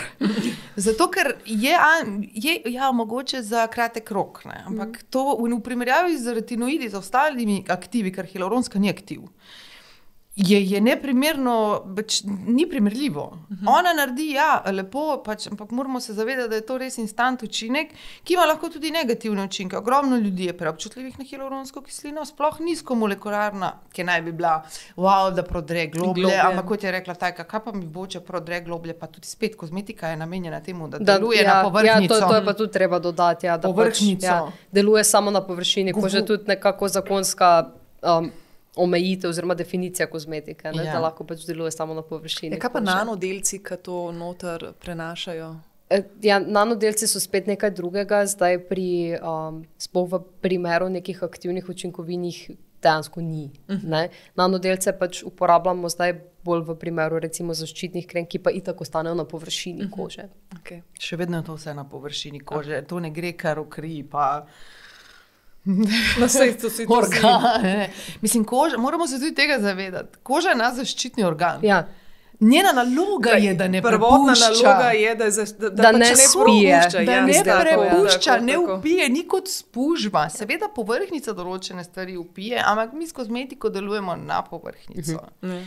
Seveda določene aktivne sestavine imajo potem učinek na kolagen, kar vpliva na globlje plasti. Ja. Bolj je na Ja, ja. proizvodnjo kolagena. Ja, ja, na celice v Ja. povrhnjici, ki potem spodbudijo Ja. ja. globje neke procese, ampak to je nekaj Ampak čisto drugega kot je čisto- pronicanje izdelkov, Tako. da zdaj 100% izdelka, ki ga nanesemo, tudi ja. prodira v naše telo. to je pol tudi že v osnovi biologije. Ne? Mislim, Ja. ja, kar Ja. prodre skozi kožo, se ti tvoj imunski sistem Ja. ja. odzove, kot da je tujek. Ne? Ja, in zato je dosti krat problem z nizko molek molekura, molekularno Ja. hialuronsko, ker gre res nekoliko globlje in, in, ljud, in dejansko koža razdraži. Ni, ni tako spet pogosto, ampak poznam veliko primerov uh -huh. sledilk, ki jim je mešanica mas, jim naredi rdečo kožo. Ja, pa kakšne akne, recimo Ja. komedončke, recimo, to Ja. dosti krat pri hialuronski Ja. kislini, ker je dansko taka gelasta, lepljiva in mm Mhm. -hmm. na koži pusti en tak stik, kar pomeni, mm -hmm. da ostane neka, površi, neka v bistvu, kako bi tem rekla, tekstura na koži, ki lahko pač povzroča ja, mm zamašitev lojnice. Ja. A se strinjate z izjavo, da je koži včasih potrebno privoščiti malo dopusta, rečemo v tem smislu, pa uporabljati zgolj um, blažilce pa uh, čistilne uh, sredstva? Da se, da se mal aktivnim sestavinam izogneš. Ah, jaz bi rekla, da se je to treba prilagajati koži. Um, to je čisto, ni, ni nekaj, kolikor sem potem še brala o tem, ni, nimamo konkretnih smernic, da bi rekla, zdaj znanstveniki so ugotovili to pa to. Jaz delam pauzo, ampak jaz imam suho in atopijsko kožo. Jaz recimo v sobotah in nedeljah imam, si nanesem samo neutralne sestavine. Ampak bistveno pri vsem tem je, da vsak posluša svojo kožo. Če vidiš, da je koži morda da postaja malce razdražena, to se moramo se naučiti opazovati kožo. Ko jo spoznaš, ker noben je ne more poznati, noben dermatolog, noben vplivnež, noben, nobena kozmetičarka ne more tako dobro poznati svoje kože, tvoje kože, kot jo lahko sam. In enkrat, ko dobro spoznaš, točno veš, da je ona mogoče ratuje malce sitna. Ali pa, da bi ona res mogoče rabila zdaj malo več vlage, pa crtanja. In preprosto se ravnaš po tem. Nekatere kože so tako trpežne, da jaz sam gledam, kaj bi dala za tako kožo. Res ene sledilke vsega, od teh retinoidov, v, ki so medicinska, se pravi, ki so um, zdravila. Uh -huh. To si mažejo na debelo, nič koža uživa. Jaz sam pridem blizu, že vse rdeče. Ampak je tako, da je to zelo odvisno res od kože. Jaz res poznam. Kože, ki jo takneš, pa rata rdeča, pa kože, ki se res mažejo gor in zdravila, in vse naenkrat, in vse možne aktive, in je koža krasna.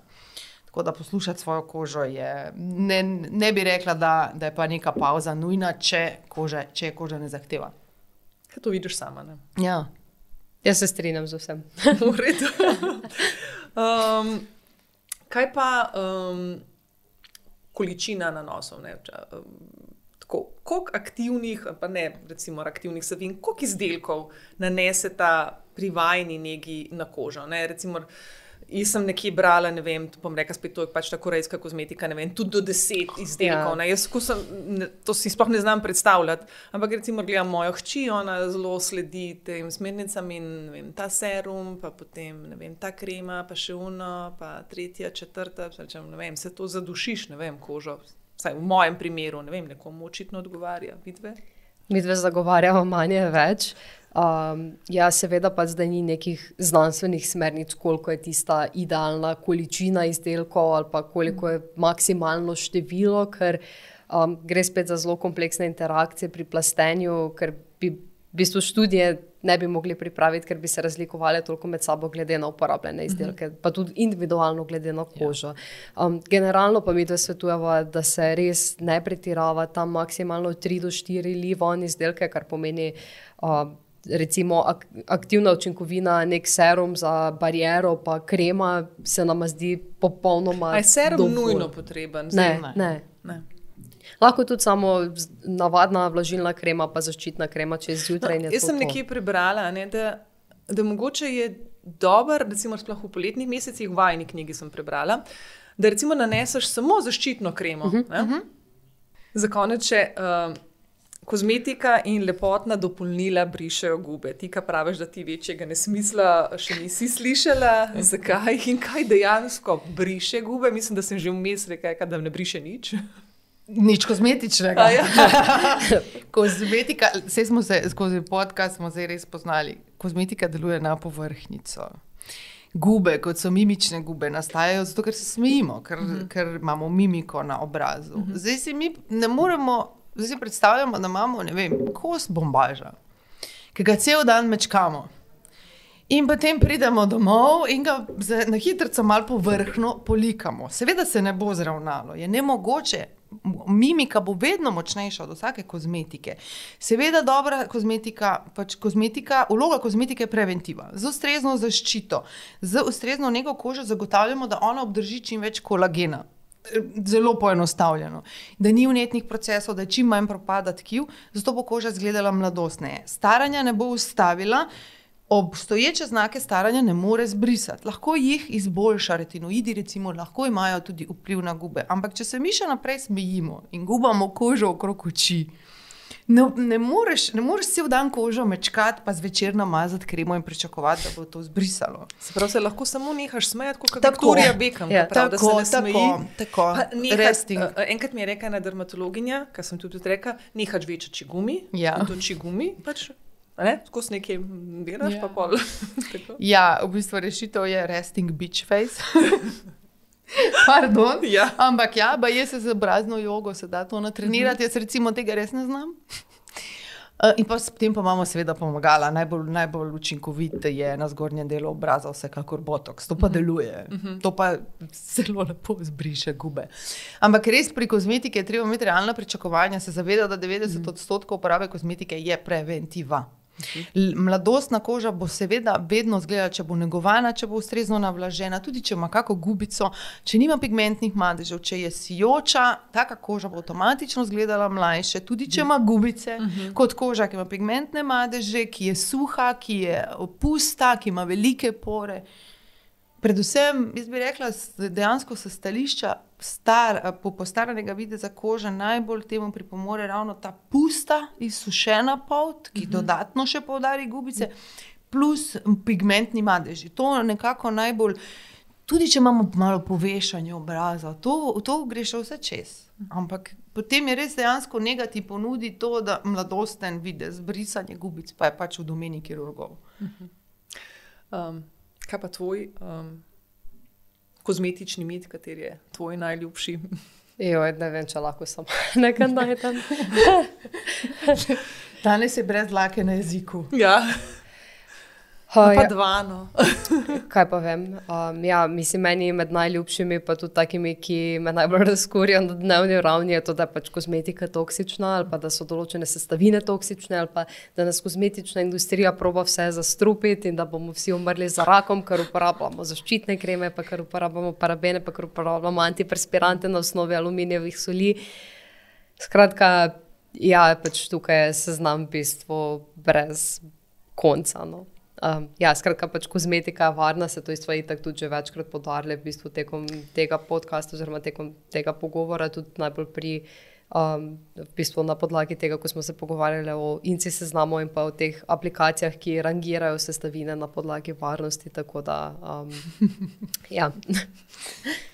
Ne, pač moramo se zavedati, da kozmetična industrija ni point, da pobija svoje stranke. No? Ja, Pač ker, ja, ali pa da jim dela škodo, uh -huh. ali pa da jim zdravstvene težave povzroča. Seveda, nobena stvar ni popolnoma nedožna. V življenju ima vsaka stvar dva konca, ampak ne govorimo to o hudih posledicah, o prehajanju v kri. Seveda lahko kozmetika povzroči alergične reakcije, tako kot jih lahko hrana, ampak vsaka stvar, ki jo naredimo v Kot je življenju, lahko prašek za, ja. za, za pranje Vsaka stvar, ki jo uporabljamo, zaužijemo, nanesemo, mm -hmm. ima lahko negativne posledice. Vsaka odločitev v življenju ima določene negativne posledice, vsaka palica ima dva konca. Ne moremo pa živeti v tem, da jo Strahu pa, v strahu, da zdaj pa vse škodi. Uh, vse govorimo tudi o prehrani, o dopolnilih, uh -huh. o oblačilih, o, o vsemu. ja, na koncu gledamo res zelo osko gledno, samo na kozmetiko, ne pogledamo pa to, kar damo vase, pa vsak dan jemo džunk. Ja. Ja. Ampak Ja. sončna krema bo pa na koncu Ja. kriva za to, da Pa, Ne. pa to, da sončna krema povzroča raka.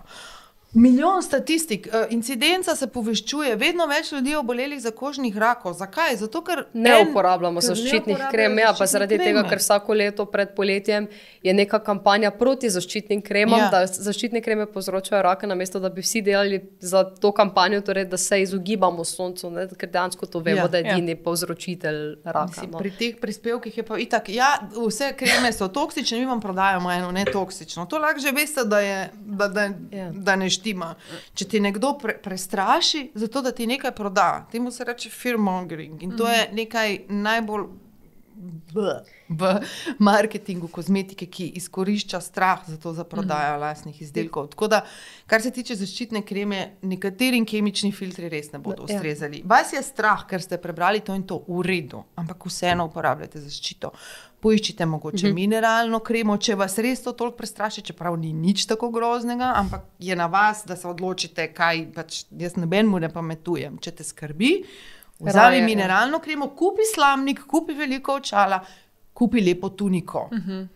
Ne, sem pač res gre za zdravje na koncu. Ne, Seveda, Ja, ne gre lepoto. tu za. Ja, ampak na koncu je ja, zdravje in pa to, da se incidenca kožnega raka povečuje. Zelo. Mislim, da je zelo zgovoren podatek. Ja. No. Uh, še štiri na hitro, to pa tako odgovarjamo. Kateri lepotni vplivnici sledita? Eno, recimo, ali pa dve. Um, Mich Michelle Wong, uh, Lab Muffin Science, Ja. um, pa mogoče. Um, Zadnjič sem jih naštela, pa sem, vidite, fur so kemični, Skin niso chemi? lepotni, ja, skin kemi, ampak to so vse, to so vse science. to, to so zelo science, ja, to v bistvu um. zelo malo reviewov in zelo dosti znanosti. Ja. Odlično. Uh, knjiga na vajnima nočnima polička, kaj berete? Um, Lahko tudi nič. Ne, ne, ne, be, jaz vsak dan berem, ampak berem življenjske romane. O, Moja- super. Uh, Jodi Piku, mislim, da se prebere. In ona ima take zelo. Um, jaz večer ne berem nič o kozmetiki. No. Uh -huh. To, so taki romani, ki uh, zelo dobra pisateljica je, zato ker gre čez vse, uh, si izbere eno tematiko in po, jo pove skozi eno zgodbo. In mi je zelo ljuba. moja je Mel Robbins, The Five Second Rule. Točno. Najljubša dišava ali pa dišava, ki jo trenutno uporabljate? Moja klasika je Lancome, Lanois Trezor, tisti prvi. Boys, sensual tuberoze. V redu, nisem slišala še, ampak Niš, slišiš se dobro. In pa še, uh, katero deželo ali pa državo bi obiskali izključno zaradi tega, da bi se mogoče bolj seznanili z njihovo, uh, bom rekla, kozmetično industrijo. Japonska. Jaz pa Koreja. V redu, na vzhod. Pa ful, ne azijska, ne. Ampak vseeno bi pa šle povohljati. Ja, Ja, ja, ja, no, v seveda tako, drogeriji. da greš, da pogledaš. Ja. Ja, ne, Ja, mislim, ne. meni bi to bilo. Ampak, ali pa v Ameriko, zaradi tega, ker imajo zelo drugačne smernice oziroma regulativo na področju kozmetike in pri njih je marsikaj kozmetiko oziroma OTC, torej dobiš uh -huh. brez recepta, kar pri nas ne. Tako ja. da je Amerika že tudi en tak uh, promised land, kar se tega tiče. -huh. Super. In najlepša hvala, ker ste bile naše, moje, moje gosti. Hvala še enkrat. Hvala. hvala.